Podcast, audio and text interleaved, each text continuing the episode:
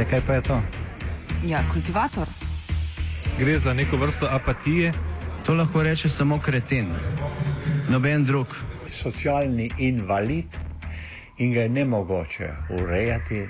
Drugi kandidat. Pa, pa pije, kadi, masturbira, vse kako hoče lahko počne. Nihče tega ne ve. Vsak petek skultiviramo dogodek tedna. Lahko po kriterijih radio študent, težko pa po evropskih kriterijih. Ampak na drug način, kot vi to mislite. Kultivator vedno užge. Da pač nekdo sploh omenja probleme, ki so, in da pravzaprav sploh nekdo sproži dogajanje uh, v družbi. To drži, drži. Come Sedai. V sredo zvečer je po dobrem letu delovanja padla druga vlada Janeza Janše. Takšnega scenarija si je verjetno želela večina tistega dela vse slovenske civilne družbe, ki je spodbojena z mariborskim zgledom upora proti lokalnim stran potem politične nomenklature, odšla na ulice in zahtevala spremembe. Gnev nad družbenimi razmerami, ki jih zaznamuje vedno večja brezposelnost in pomankanje učinkovitih receptov za oživitev gospodarstva, na eni strani ter nespoštovanje standardov pravne države in poskusi nepregledne razprodaje državne lastnine na drugi strani, se je kanaliziral skozi poziv celotni politični eliti k odstopu. Dodatnega impulza in nekakšne potrditve svojih zahtev je bilo protestniško vrenje deležno s poročilom Komisije za preprečevanje korupcije, ki je razgalilo skrajno nenavadno hišno računovodstvo prvakov obeh največjih strank. Dosežen je bil skoraj da vse državni konsens o nujnosti sestopa Jane Zajanše in Zorana Jankoviča z javnih položajev. Neomajne podpore pa sta bila oba politična liderja deležna samo še znotraj svoje monolitne strankarske baze.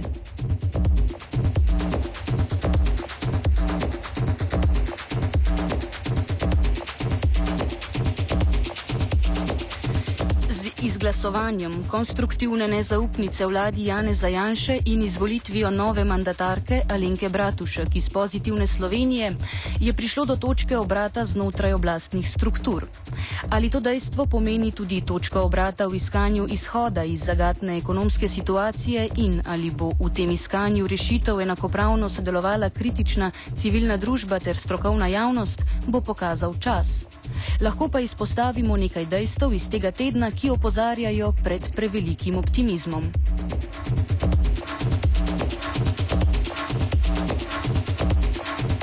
Državni statistični urad je tako objavil oceno, da se je bruto domači proizvod lani realno zmanjšal za 2,3 odstotka. Po padcu v letu 2009 je gospodarska aktivnost dve leti šipko rasla, lani pa smo zdrsnili nazaj v recesijo z dvojnim dnom. Ekonomist Marjan Senjur meni, da svoj del odgovornosti nosi vlada Jane Zajanše z grešeno ekonomsko politiko krčanja javnega popraševanja, ki se jo običajno prodaja z besedami o nujnosti zategovanja pasu. To se ni nikjer obneslo, ta radikalnost v krčanju. Ne? Bi pa bilo možno voditi neko alternativno politiko, ki sem jo takrat svoj čas tudi zagovarjal. Mi moramo primakljaj znižati. V tem ni dvoma da bi morali imeti neko razdobje štirih, petih let, da to naredimo in da ne, ne gremo neke radikalne krčenja, visoke gospodarstva, ampak da mora biti zamrznemo eh, za nekaj časa javno uporabo, s tem tudi moče plače v javnem sektorju in kaj bi sicer prizadelo gospodarstvo, a ne bi bil tako velik šok, kot se slej zgodil. In kot ideja je bila tam svoj čas lani, da bomo skrčili Eh, proračun, proračun za 700 milijonov, kaj je skoraj 2 odstotka in zdaj se to pokazalo v znižanju eh, BDP za več kot 2 odstotne točke. Ta, to je bilo vse predvidljivo. Zaradi tega govorim, da gre za subjektivno napako ekonomska politika, ne pa za objektivne razmere. Ena od strukturnih lastnosti, ki je prispevala k padcu BDP-ja, je tudi lansko nadaljevanje zmanjševanja investicij. Za drugačno državno politiko na tem področju se zauzemajo predvsem v gospodarski zbornici. Za uživitev gospodarske rasti predlagajo zagon investicijskega cikla tistih projektov, ki so pomembni za doseganje okoljskih, energetskih in prometnih ciljev. Senjur opozarja, da država velikih projektov trenutno ni sposobna zagnati, niti v roku enega leta. Lahko bi se pa država na, na to pripravila. Zato bi edino bilo možno, da bi poskušali neko večjo serijo teh manjših investicij, ki se bi eh, izvajale na ravni močo občin, na lokalni ravni, kjer bi, bi bilo lažje hitro nekaj narediti. To, tukaj vidim smisl, neki smisel. Uh, ampak neki velikih investicijskih projekti pa ne vidim, ne vidim uresničljivosti ta hip. Res je pa, da treba spostaviti neko pozitivno klimo za investiranje v gospodarstvo, ker to, kar se zdaj dogaja, da nam investicije padajo postopno, naprimer letos, lani so upade za 18 odstotkov letno in to se nam dogaja štiri leta zapored. In zaradi tega nam potem tudi gradbeništvo upada za tudi nad 10 odstotkov letno v štirih letih. To potem ima neke, kot temu rečemo, multiplikacijske učinke na celotno gospodarstvo in potem se gospodarstvo jasno zaostavi.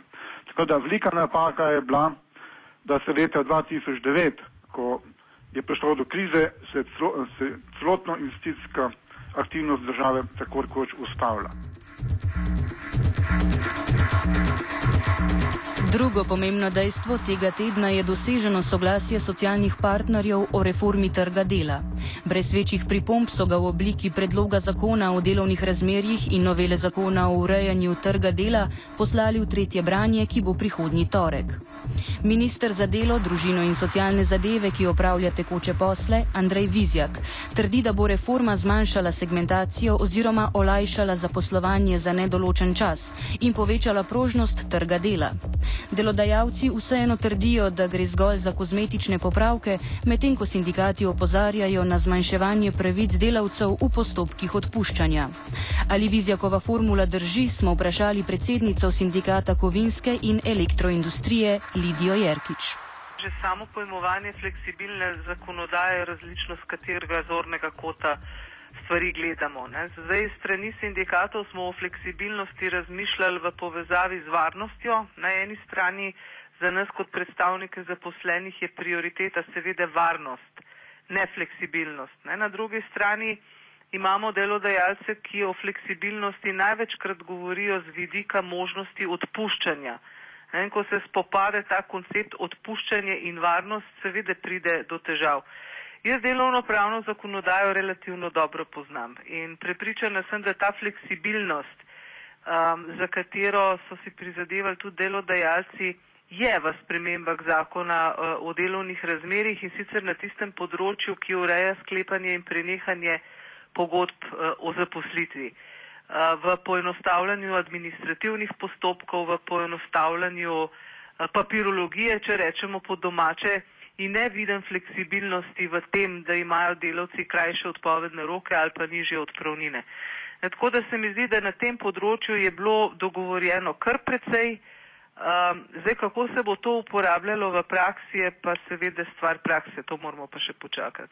Ne vem, če sam, sam pojem fleksibilnosti reši naš trg dela. Jaz mislim, da naš trg dela rešujejo nova delovna mesta in nove zaposlitve, to pa za zakonom o delovnih razmerih čisto neposredne zveze vendarle nima.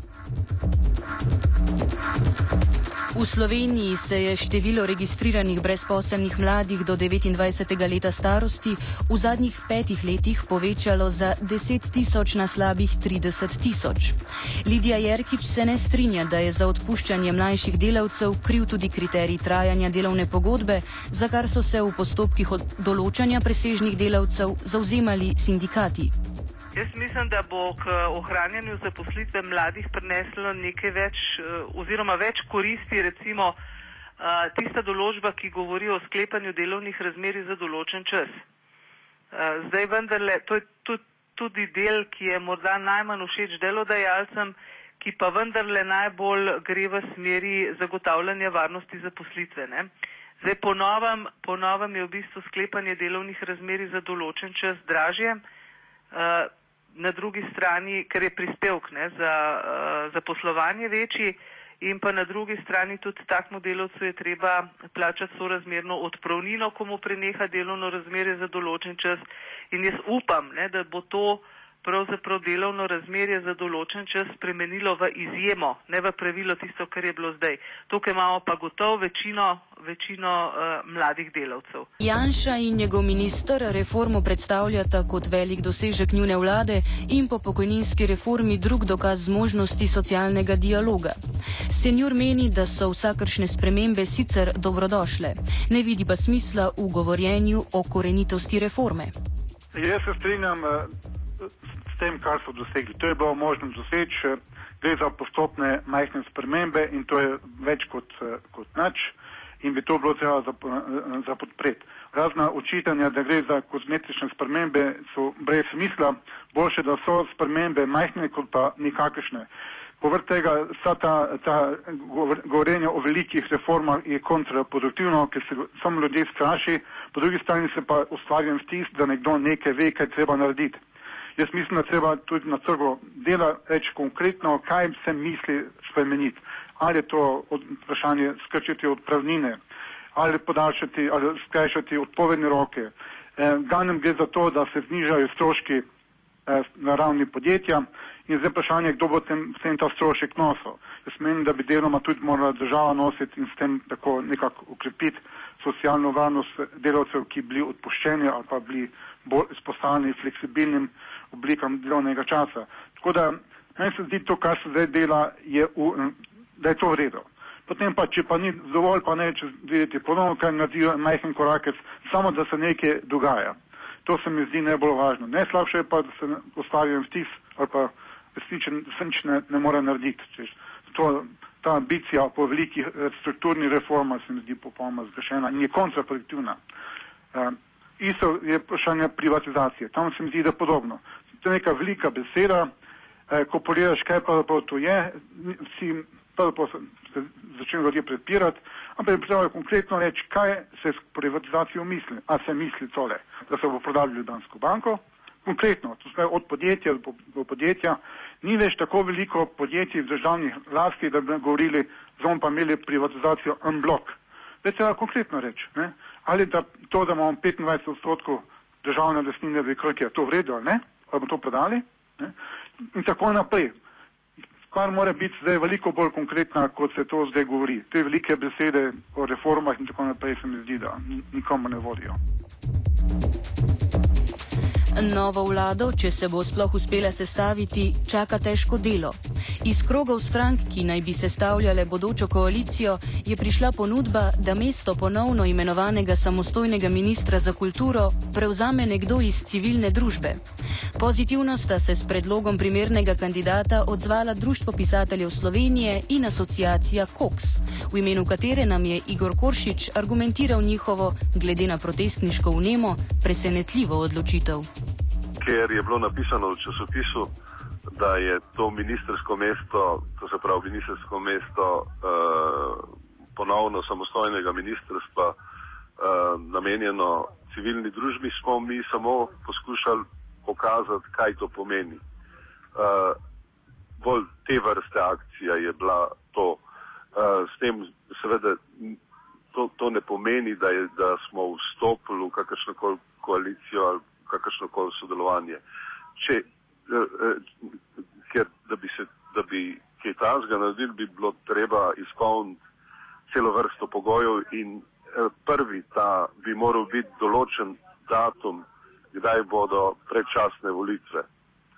Uh, potem je pa še cela vrsta teh predpogojev, za katere je težko verjeti, ali pa ne mogoče verjeti, da bi jih lahko kakršnakoli nova koalicija sprejela. Mi smo samo demonstrirali, kaj pomeni uh, uh, konkretno, kaj lahko taka ponudba, da civilna družba postavlja ministre, pomeni konkretno. To ne pomeni, da oni neki spolitizirajo in se zmenijo in uh, uh, potem vzamejo civilno družbo kot alibi, ampak to pomeni, da dejansko civilna družba ali del civilne družbe uh, postavi konkretnega svojega kandidata in za tega kandidata postavi tudi celo vrsto pogojev. Uh, nikakor nismo mislili, da bomo zdaj ne, neutralizirali uh, gibanje, uh, uh, protestniško gibanje, se pravi pri vseh zahtevah tega protest, protestniškega gibanja ustrajamo seveda še naprej. Uh, nikakor nismo želeli žrtvovati vlada Žabota, da bo tam en glina z golob, da bo sedel nemočno v nekem ministrstvu, kjer ima popolnoma zvezane roke. Uh, to, je, to je bila bolj demonstracija za politiko, kaj pomeni, če oni mislijo vključiti civilno družbo v uh, svoje politično delo. Koršiča smo vprašali, če se bo asociacija udeležila tudi naslednjih protestov 9. marca. Seveda niso bili, so bile demonstracije samo proti Janezu Janši. Janez Janša je, te demonstracije so bile, a veste, že um, novembra, ko še ni bilo poročila proti korupcijske komisije in je bilo popolnoma jasno, zakaj so demonstracije. So za, recimo temu, pravično in pravno državo in socialno državo. In Janez Janša se je, se je pojavil kot prva zahteva na demonstracijah, šele naknadno, potem, ko je prišlo to poročilo in ko ni odstopil. Uh, tako da o tem ni nobenega dvoma, zahteve ostajajo iste in seveda nobena od njih ni izvršena.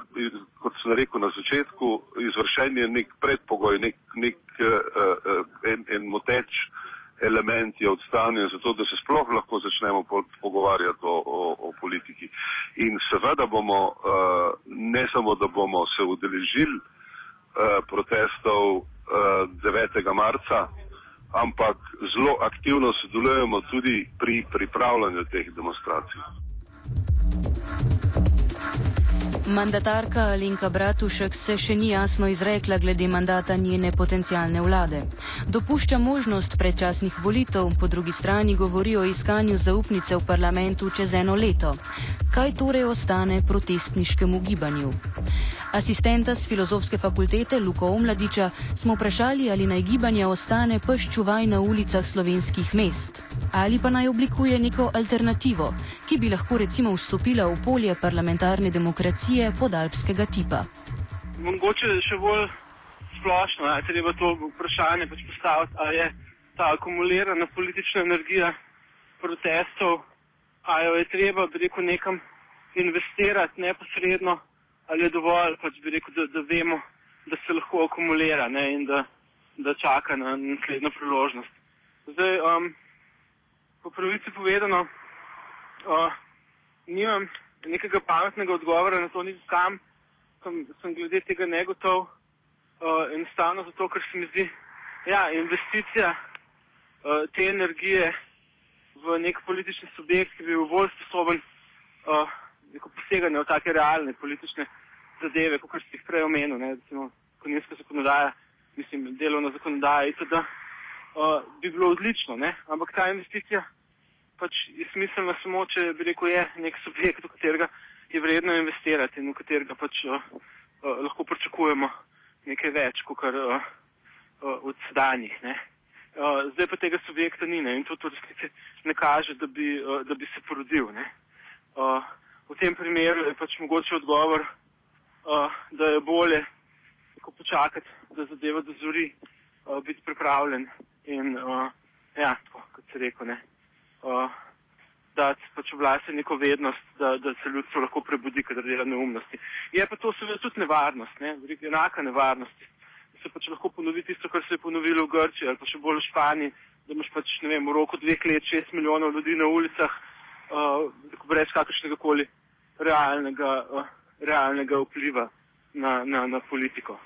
Tako da, uh, ne, se pravi, če, če primerjamo v teh rekel, političnih okvirih, imate na eni strani ta beograjski model, ne, model odpora, kjer je pač odpor investiral to ljudsko energijo in podporil uh, uh, opozicijske stranke. Ne, in seveda s tem so vrgli Miloševiča, ampak kaj so pa pripeljali na oblast, ne, je druga zgodba. Ne. Prav, bili so politično učinkoviti, ampak seveda pač realnost, real politika je potem zmagala. Na, drugem, na drugi strani je pač eh, španski model, kjer niso konkretno investirali v nobeno stranko, ampak je gibanje kljub veliki množičnosti ostalo brez konkretno političnega vpliva. Ne. Tako da bi rekel, to je skratka, vprašanje za milijon dolarjev. No.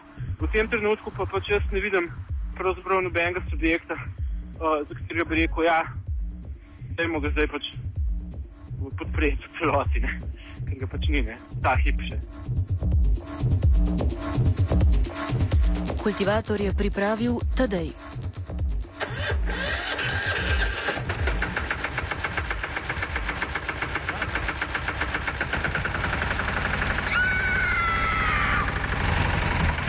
E, kaj pa je to? Ja, kultivator. Gre za neko vrsto apatije. To lahko reče samo kreten, noben drug. Socialni invalid in ga je ne mogoče urejati. Drugi kandidat. Pa, eh, pa pije, kadi, masturbira, vse kako hoče, lahko počne. Nihče tega ne ve. Vsak petek skultiviramo dogodek tedna. Lahko po kriterijih radio študent, težko pa po evropskih kriterijih. Ampak na drug način, kot vi to mislite. Kultivator vedno užge. Da pač nekdo sploh omenja probleme, ki so, in da pravzaprav sploh nekdo sproži dogajanje uh, v družbi. To drži, drži.